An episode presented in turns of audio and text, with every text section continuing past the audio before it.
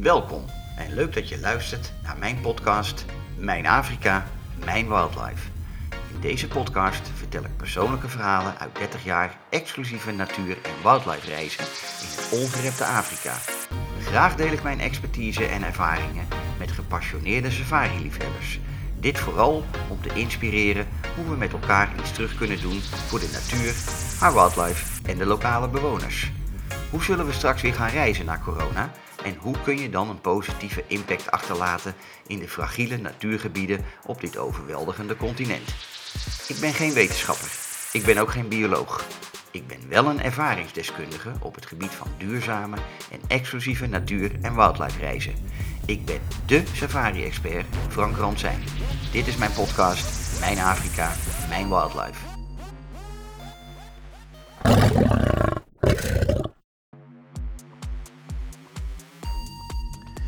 Deze aflevering neem ik jullie mee naar mijn persoonlijke top 5 aan safari-gebieden. Daarnaast wil ik graag iets vertellen over de verschillende safari-activiteiten die je binnen en buiten nationale parken zou kunnen ondernemen. En natuurlijk een klein persoonlijk verhaal uit de Afrikaanse natuur. Laat ik eerst even beginnen met een huishoudelijke mededeling. Zoals jullie misschien wel kunnen horen, heeft mijn stem het enigszins begeven. Er zit een licht hees randje op. Dat betekent dat ik waarschijnlijk iets anders zal klinken als in de vorige afleveringen. Ik hoop echter dat het verder de pret niet zal mogen drukken, dus we gaan heerlijk van start met deze aflevering.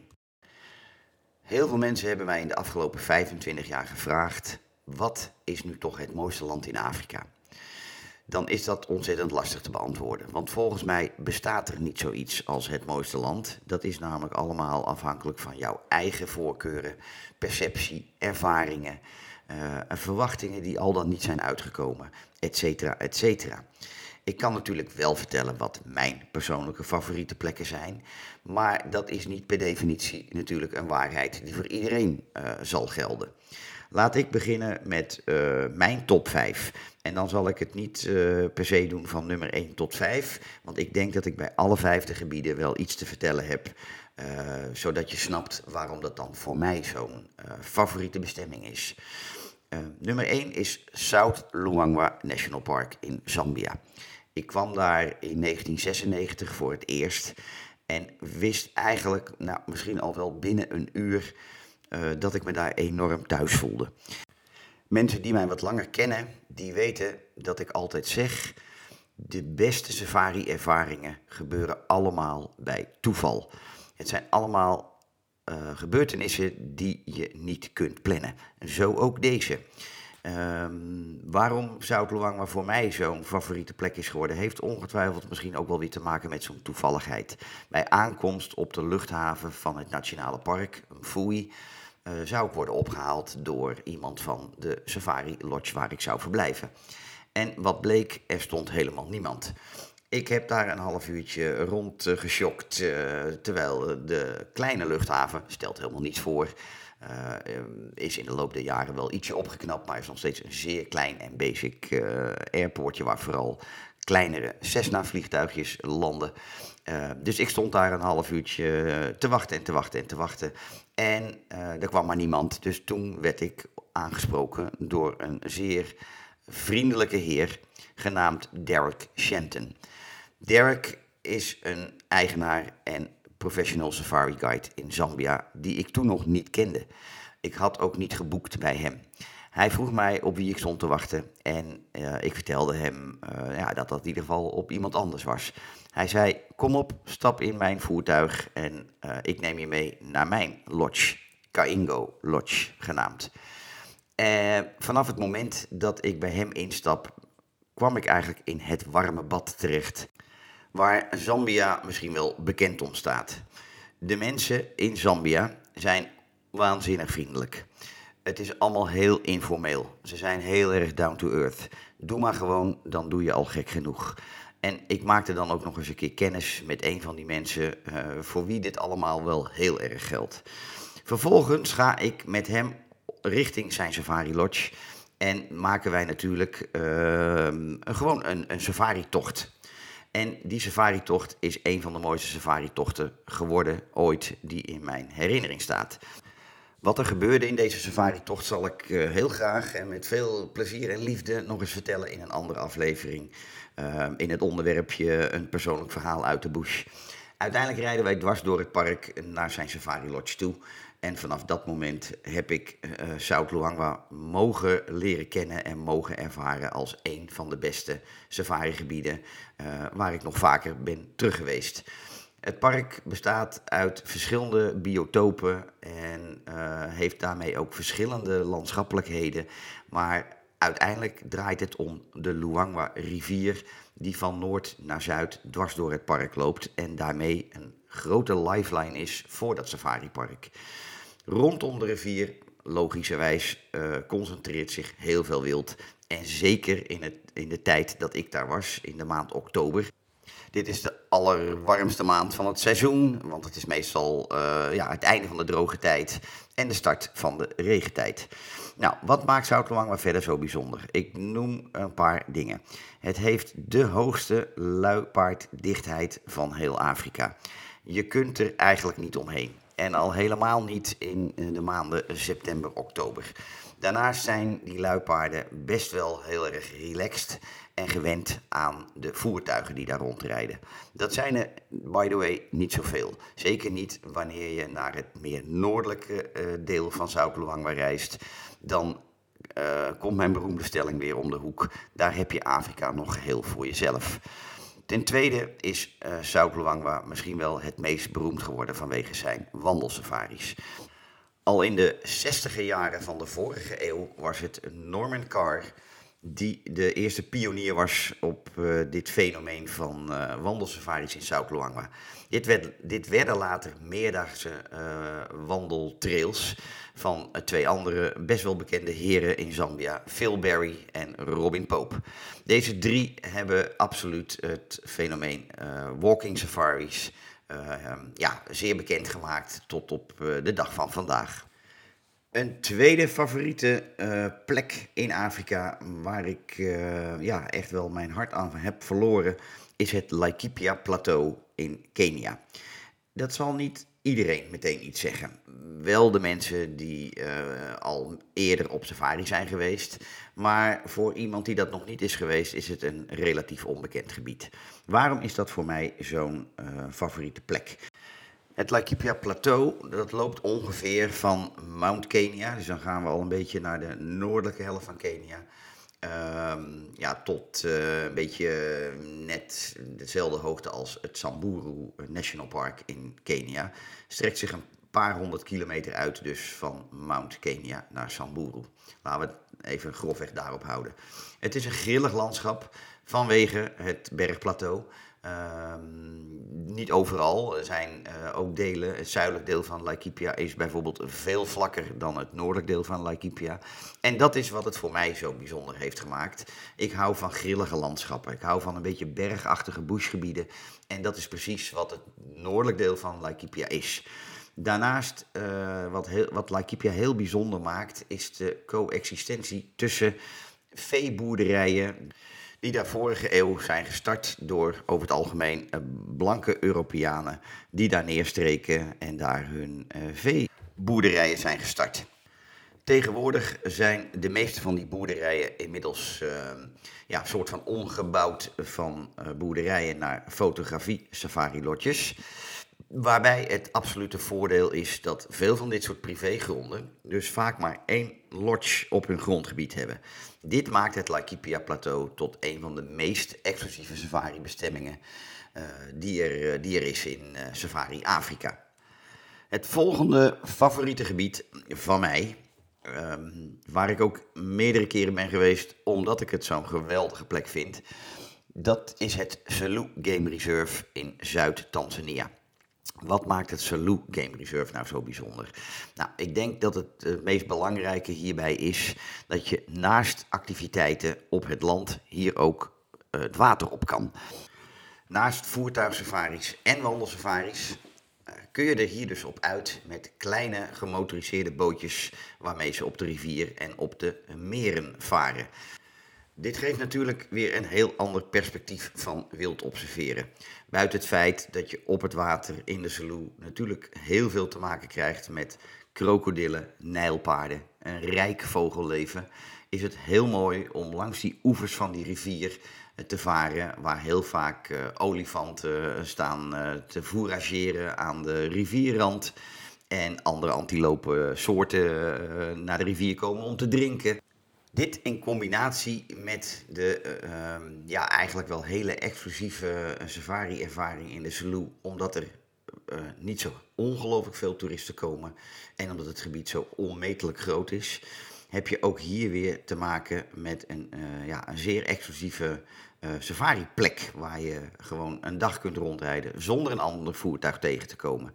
Het is wel belangrijk om te weten dat het Salou Game Reserve, doordat het ook geen nationaal park is, en dus ook wat minder goed beveiligd wordt door de overheid, dat het wild in de Salou over het algemeen uh, wat schichtiger is, daarmee ook soms wat moeilijker op te sporen is. Ik vind dat zelf uh, soms alleen maar leuker, want het maakt het spannender, het maakt het meer tot een avontuur. Je moet er wat harder voor werken. Zowel je gids moet dat doen als jij zelf als uh, ja, passagier of, of wandelend in de bush. Nummer 4 van mijn favoriete bestemmingen is het Lower Zambezi National Park in Zambia. Een wat kleiner park dan bijvoorbeeld South Luangwa. Uh, het, heeft, het is volgens mij iets van 4000, 4500 vierkante kilometer. Um, en dat is echt betrekkelijk kleiner dan South Luangwa en nog veel kleiner dan uh, het Salou Game Reserve. Wat maakt Lower Zambezi zo bijzonder? Nou, ten eerste is het een park recht uh, tegenover het Manapools National Park gelegen in Zimbabwe. Het wordt dus doorkruist door de Zambezi-rivier. Vandaar ook uh, Lower Zambezi.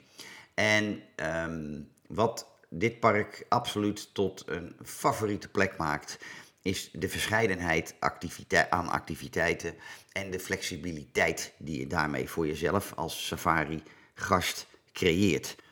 Lower Zambezi staat uh, erom bekend uh, echt een, een, een paradijs te zijn voor olifantenliefhebbers. Je, je kunt er niet omheen. Ze hebben een zeer grote populatie. En um, ja, zeker in de goede tijd van het jaar. Het is trouwens maar redelijk seizoensgebonden. Dat je terecht kunt in, in dit park. Zo van half april tot half november is het park begaanbaar. Maar dan is het ook vol met olifanten. Daarnaast een zeer uh, rijke populatie aan roofdieren, aan leeuwen en hyena's, luipaarden. Um, dus je kunt hier je hart ophalen. Maar wat het vooral uh, zo bijzonder maakt, is dat je naast voertuigsafaris en wandelsafaris hier ook op het water weer zoveel kunt doen. Gemotoriseerde bootjes het water op met uh, van die uh, stille pontoenboten het water op, waarmee ze gewoon heel zachtjes stroomafwaarts zich laten glijden zonder de motor te gebruiken en dicht bij de oever te blijven, zodat je ontzettend veel wild aan die rivieroever uh, oever kunt observeren. En dan misschien wel de meest bijzondere activiteit in dit park zijn de kano-safaris. Niets mooiers om tussen de nijlpaarden en de krokodillen door, uh, natuurlijk onder begeleiding van een gids, te kanoën op de, op de Zambezi rivier, dan wel op de kleine uh, zijriviertjes van de Zambezi rivier. Nummer 5 in mijn top 5 dat is de noordpunt van de Serengeti. En waarom nou de noordpunt? Heeft alles weer te maken met de hoeveelheid toeristen. Uh, een groot deel van de Serengeti in Tanzania is natuurlijk zo beroemd vanwege die grote wilde beestenmigratie van 2, 2,5 miljoen uh, zebra's en genoes. Uh, en, en, een aantal antiloopsoorten die daar in een jaar rond beweging door de Masai Mara van Kenia en de Serengeti in Tanzania migreren. Uh, op zoek naar voedsel, op zoek naar vers gras. Uh, en dat maakt een groot deel van de Serengeti vaak tot een wat drukker bezocht nationaal park. Dit is waarom ik heel graag naar de noordpunt van de Serengeti wil. Het is het uh, de bovenste, nou, derde deel van de hele Serengeti, waar relatief nog weinig uh, safari-onderkomens zijn gebouwd. Ondanks dat het de afgelopen jaren ook daar drukker aan het worden is. Um, en het is, naar mijn mening, landschappelijk gezien het mooiste deel van de Serengeti. Met ruige, ruige rotsformaties en uh, prachtige uitgestrekte vlaktes. Dan weer stukken bosgebieden. Uh, het wemelte van de leeuwen in die noordpunt van, van de Serengeti. En ja, ook hier komt de migratie voorbij in een aantal maanden van het jaar. Tot zover mijn top 5 aan favoriete safari-plekken in Afrika. Er zijn er nog heel veel meer, maar dit zijn wel plekken waar ik graag naar terugkeer, zo eens in de zoveel tijd. Goed, het volgende uh, onderwerp is de verschillende safari-activiteiten binnen en buiten nationale parken. Het is absoluut een vrij simpel verhaal. Je moet het je zo voorstellen. Een nationaal park is een door de overheid gerund park van de staat. Hierdoor zijn er strenge regels gemoeid met wat er wel en niet mag in een nationaal park. Een nationaal park is ook uh, natuurlijk een plek waar uh, veel mensen van buiten het park gewoon met hun eigen voor-bij-voor auto uh, in kunnen rijden. Um, en je dus ook gewoon niet zo heel veel mag. Daarnaast zijn er de exclusievere safari-lotjes in zo'n park die dan weer wel met open voertuigen in zo'n park rondrijden. Maar het blijft over het algemeen bij safaris per voertuig. En in speciaal daarvoor aangewezen plekken wordt er in bepaalde nationale parken ook uh, nog aan wandelsafaris gedaan. Maar doorgaans blijft het bij deze twee activiteiten. Daarnaast kennen we in de safari-industrie ook het gegeven van privé-concessies en privé-grondgebieden. Nou, het zegt het eigenlijk al. Het zijn gebieden die niet openbaar zijn voor iedereen en doorgaans wel uh, aan strenge regelgeving onderhevig zijn. Het zijn geleasede stukken grond voor zoveel jaar aan een safari-operator die daarmee natuurlijk ook het management beheert over zo'n concessie en zo'n concessie beveiligt tegen stroperij, et cetera, et cetera. Heel veel banen biedt aan de lokale bevolking rondom zo'n gebied en het daarmee tot hele exclusieve safari-gebieden maakt. Hierdoor is er vaak veel meer mogelijk in zo'n gebied, zeker wanneer het echt privé grondgebied betreft, zoals ik eerder vertelde op het Laikipia-plateau. De variatiemogelijkheden aan safari-activiteiten zijn hier enorm. Maar laten we eens met de meest mooie beginnen. Het zijn vaak deze gebieden waar je als safari-gast ook veel meer in aanraking kunt komen met de cons conservation-activiteiten die er gaande zijn op zo'n grondgebied. De natuurbehoudsprojecten, de onderzoeksprojecten. Als safari-gast van een privé grondgebied kun je veel vaker toegang krijgen om daar iets meer over mee te krijgen en iets over te leren.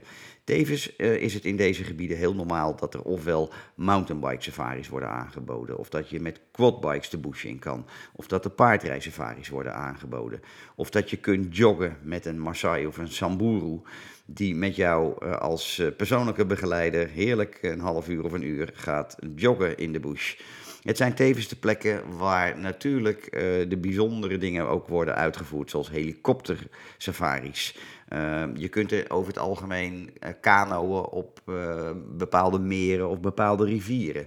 Je kunt er verblijven in zogenaamde sleepouts, waar ik zeker nog een keer een apart onderdeel van zal maken om daar wat meer over te vertellen. Uiteindelijk is een sleepout niet meer dan een overnachtingsplek, vaak met een muskietennet, een bedrol, een muskietennet en eh, personeel die voor jou zorgt en die jou natuurlijk beschermt voor bepaalde diersoorten s'nachts. En tot slot natuurlijk een klein persoonlijk verhaal uit een van mijn Afrika-reizen. Het is juni 2018 en ik bevind mij in Zimbabwe in het Wengi National Park. Ik ben samen met een aantal andere reisagenten uh, daar op reis om een hoop plekken te bezoeken en te ervaren. Wengi staat heel erg bekend om uh, zijn enorme hoeveelheid olifanten. En een ander fenomeen is dat de safari-gidsen in Zimbabwe bekend staan als de allerbeste safari-gidsen van heel Afrika. Het zijn, zoals ze genoemd worden, professional safari guides die nog vaak een hele ouderwetse training hebben gehad.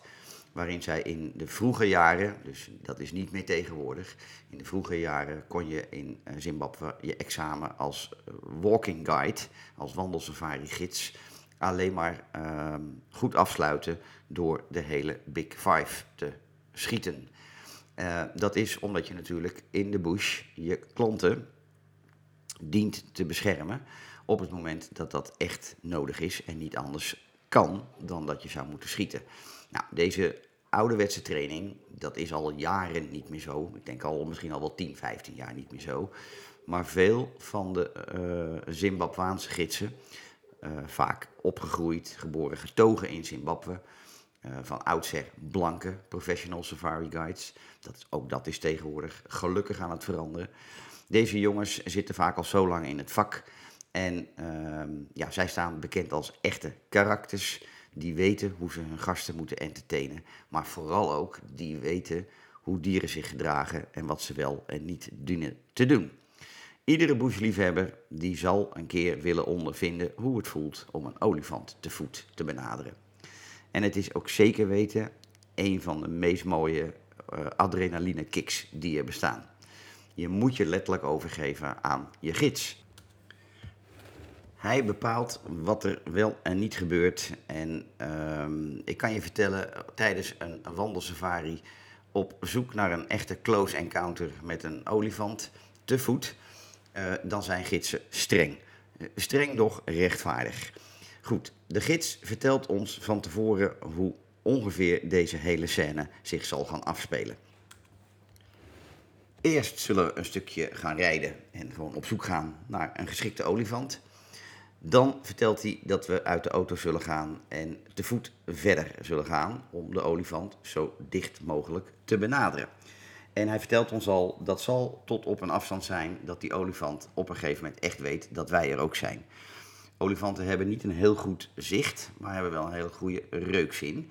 Um, dus ja, we weten dat het een spannende ervaring zou kunnen worden. Het gaat er een beetje om wie het langst zijn zenuwen kan bewaren. De olifant of wij als mensen. Nou, zo geschieden. Wij gaan de, uh, de auto in, rijden een stukje, vinden een olifant. Uh, we gaan de auto uit, gidsen, we hebben twee gidsen mee. Uh, laden allebei hun geweer door. En dat is niet omdat ze heel graag willen gaan schieten, maar dat is gewoon dat als er al iets zou gebeuren, dat ze natuurlijk er helemaal klaar voor zijn. Nogmaals, dat is absoluut niet de bedoeling. De bedoeling is dat we de olifant zo dicht mogelijk kunnen benaderen zonder problemen. We lopen single file, zoals dat zo mooi heet. Uh, dus gewoon één voor één achter elkaar aan. Eén van onze gidsen vooraan, één van onze gidsen achteraan.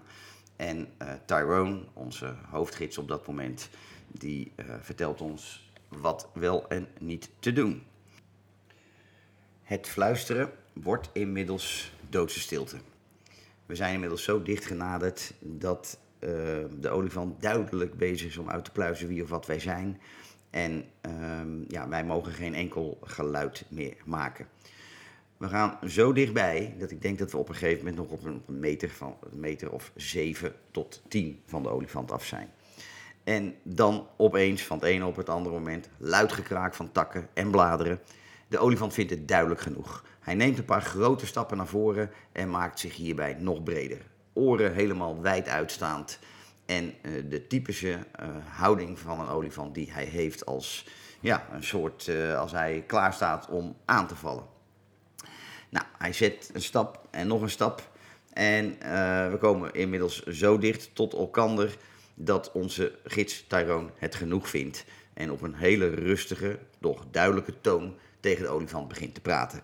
Van het is allemaal goed jongen en uh, tot hier en niet verder. Uh, het klinkt allemaal gewoon heel vriendelijk.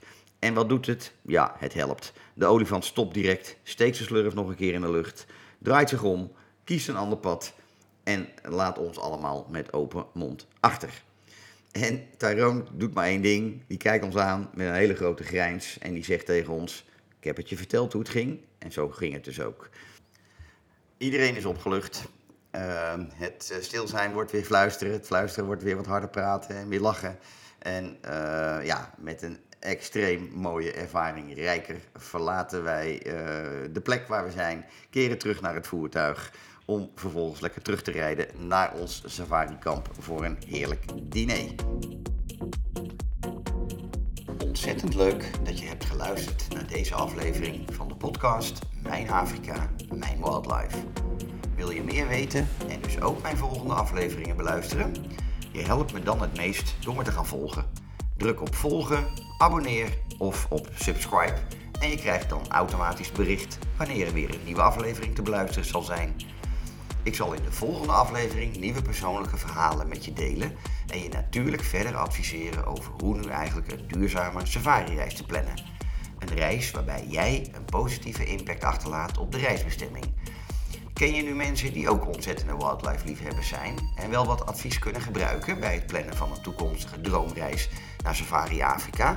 Dan zou ik het ontzettend leuk vinden als je deze podcastaflevering met hun zou willen delen of doorsturen. Er komt hoe dan ook weer een tijd dat we allemaal zullen gaan reizen. Dat we dit zullen doen met veel meer betrokkenheid bij de natuur en onze planeet, dat staat vast.